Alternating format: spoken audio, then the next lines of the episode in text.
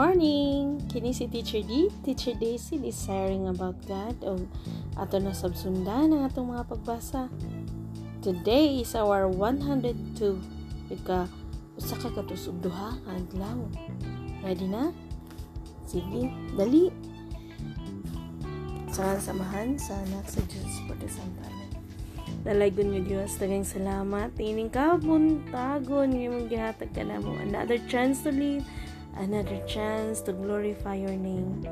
Thank you so much. Daghang salamat, Lord. And, and please, guide, Lord God, ako ug ang namati karon sa among basahon nga hinapunta nga mas mutusok kini sa among kasing-kasing ug na may mga punto nga wala na mo maintindihi please help us send your Holy Spirit Lord God ta mas ma mas malamdagan mi Daghang salamat. Ug kining tanan among gipangayo pinagi sa ngalan ni Kristo among Ginoo maluluwas. Amen. Ang samahan sa anak sa Diyos Espiritu Santo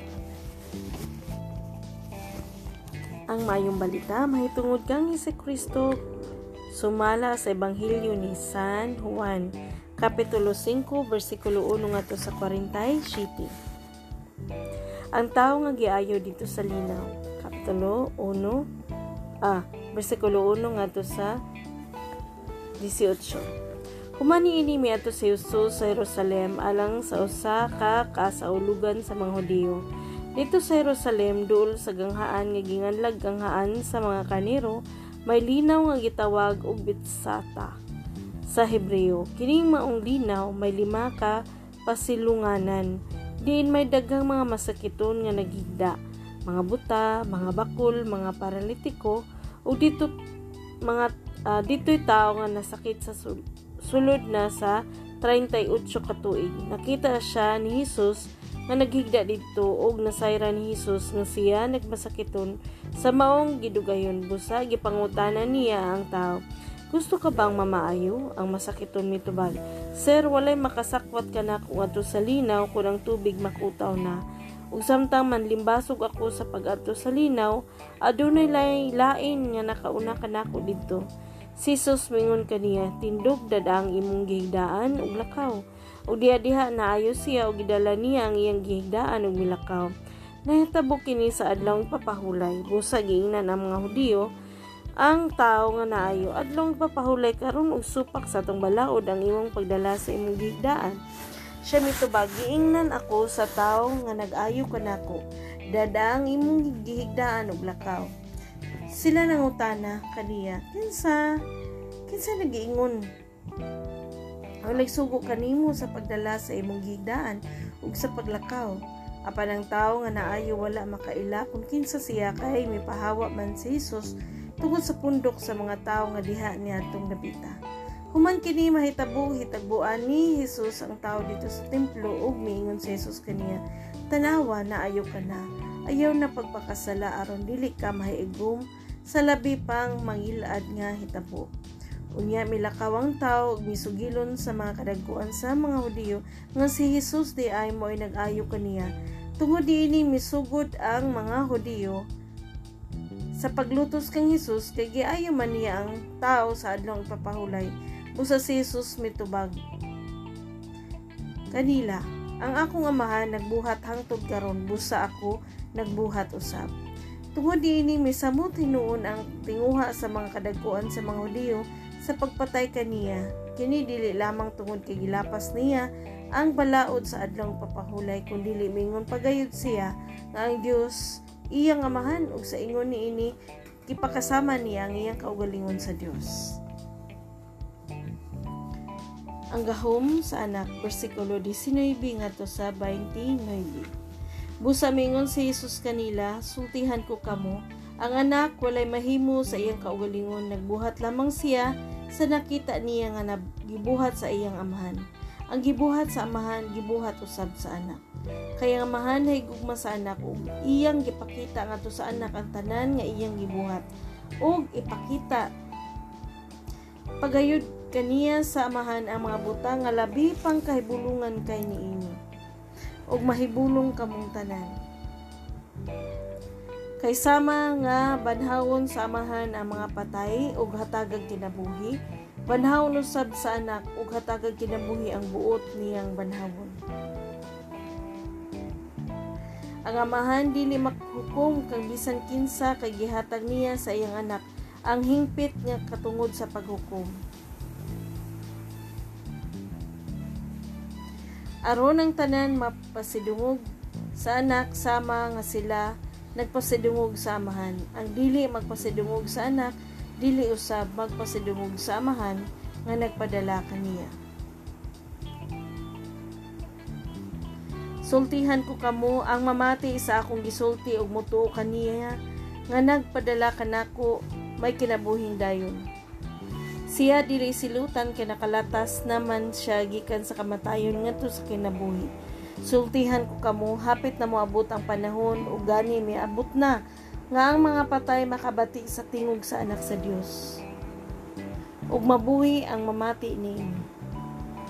Sama nga ang amahan mao ang tinubdan sa kinabuhi. Gitugot usab niya nga ang iyang anak mahimong tinubdan sa kinabuhi. Ug ang iyang gihatagan ang anak sa katungod. Ug iyang gihatagan ang anak sa katungod sa paghukom kay siya mauman ang anak sa tao. Ayaw kamo kay bulong kay moabot ang panahon nga ang tanang mga patay makadungog sa iyang tingog ug manggula sila sa ilang lubong. Katong maayog binuhatan mabanhaw ug mabuhi. Ug sa dayon Maayo binuhatan mabanhaw ug mabuhi sa dayon ug katong daotag binuhatan mabanhaw apan silutan. Mga sakit ni Jesus. Versikulo 30 hangtod sa 47.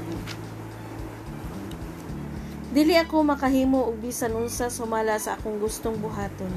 Maghukom ako sumala sa isulti sa amahan kanako busa ang akong hukom mak tarong kay wala man ako magtinguha pagbuhat sa akong kabubuton kun dili sa kabubuton sa nagpadala kanako. Kun magsaksi ako mahitungod rapod sa akong kaugalingon kini walay kapuslanan.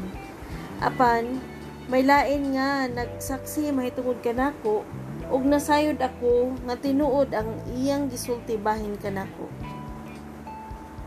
Gipadala ninyo ang inyong mga sinugo nga tukanghuan ug misakses siya may tungod sa kamatuoran. Hinuon wala ako magkinahanglan sa pagsaksi sa tao. Gisulti ko lamang kini aron kamo maluwas.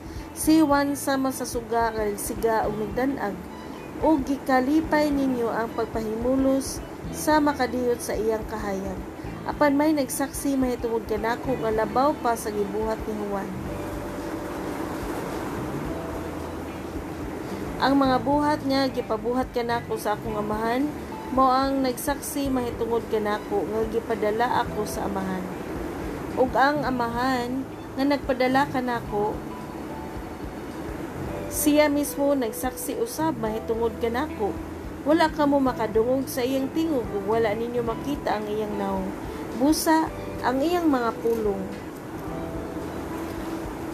Wala magpabilin diha kaninyo kay wala man kamumutuo sa iyang sinugo.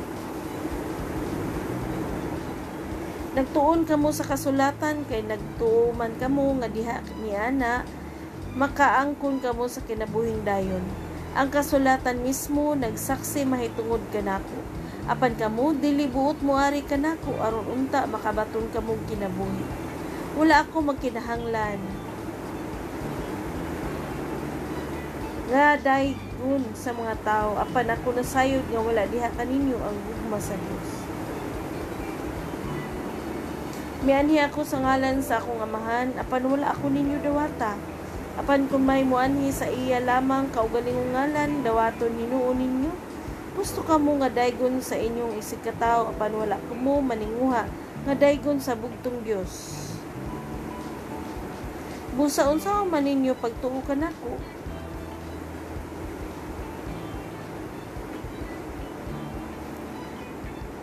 Apan ayaw ninyo hunonaa nga isumbong ko kamo sa akong amahan. Si Moises nga mao inyong gilauman nga mutabang kaninyo mao hinuoy magsumbong kaninyo. Kung tinuod pang nagtuo kamo kang Moises, motuo sa bunta kamo kanako. Kay nagsulat man siya mahitungod kanako. Apan kay wala man kamo mutuo sa iyang gisulat, unsaon man ninyo pagtuo sa akong gisulat gisulti kaninyo. Mao kini ang pulong sa Ginoo. Daghan? Daghan di ba? Um, tinaw man ang istorya ni Hesus Kristo diri ka nato. Ako na lang pinaka-highlight nga ahong kwato sa lang. Oo, kay tungod sa kadaghan, na lang tayo i-particular.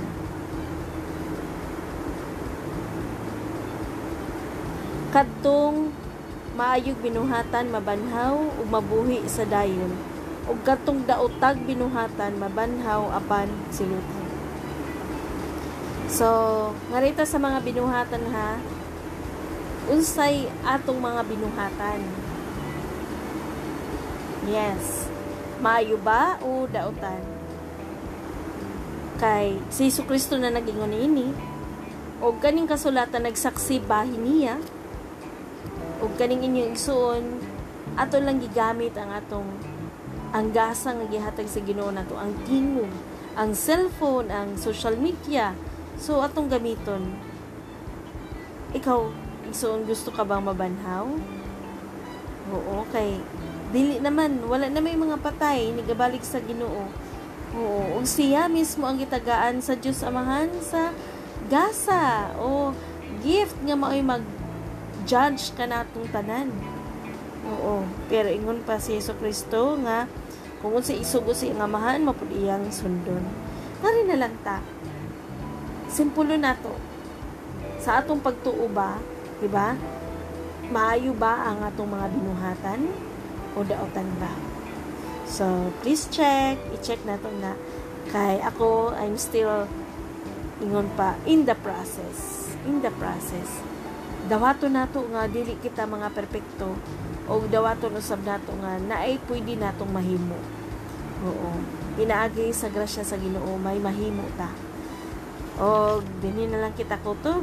Daghang salamat sa imong pag pamati o magapo kita sa samahan sa anak sa Dios Santo. Amen.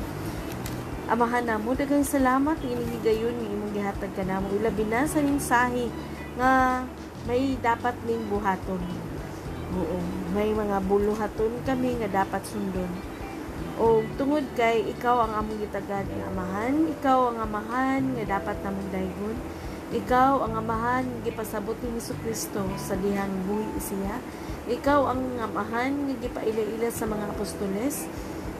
O pinaagi sa ngalan ni Hesus Kristo, humuka ang among mga kasing-kasing nga mas mapakita namo ang mga maayong buhat. Oo, uh, mas mas mahinangpon kami sa imong pagbalik sa pagbalik ni Hesus Kristo nga ang among ginabuhat makalipay unta kanimo tabangi ni Ginoo nga mas mas mailhan pa ka. Kining tanan among giampo pinagi sa ngalan ni Hesus Kristo among Ginoo amen. Ug magampo kami amahan namo nga naa sa langit balaanon ng imong ngalan Maghari ka kanamo og tumano ng imong pagbuot dinhi sa yuta sa mga gituman kini dito sa langit. Ihatag kanamo ang pagkaon nga among gikinahanglan karong adlaw ug pasaylo kami sa among mga sala sa mga kami nagpasaylo sa mga nakasala kanamo. Ayaw kami itugyan sa pagsulay luwasay noon kami gikan sa dautan. Kay imo ang gingharian ang gahom ug ang himaya hangtod sa kahangturan. Amen. Paghimaya ka Maria na puno ka sa grasyang Ginoong Dios minakanimo Lan ikaw sa mga bayi tanan sa babungas tiyan mo sa Jesus.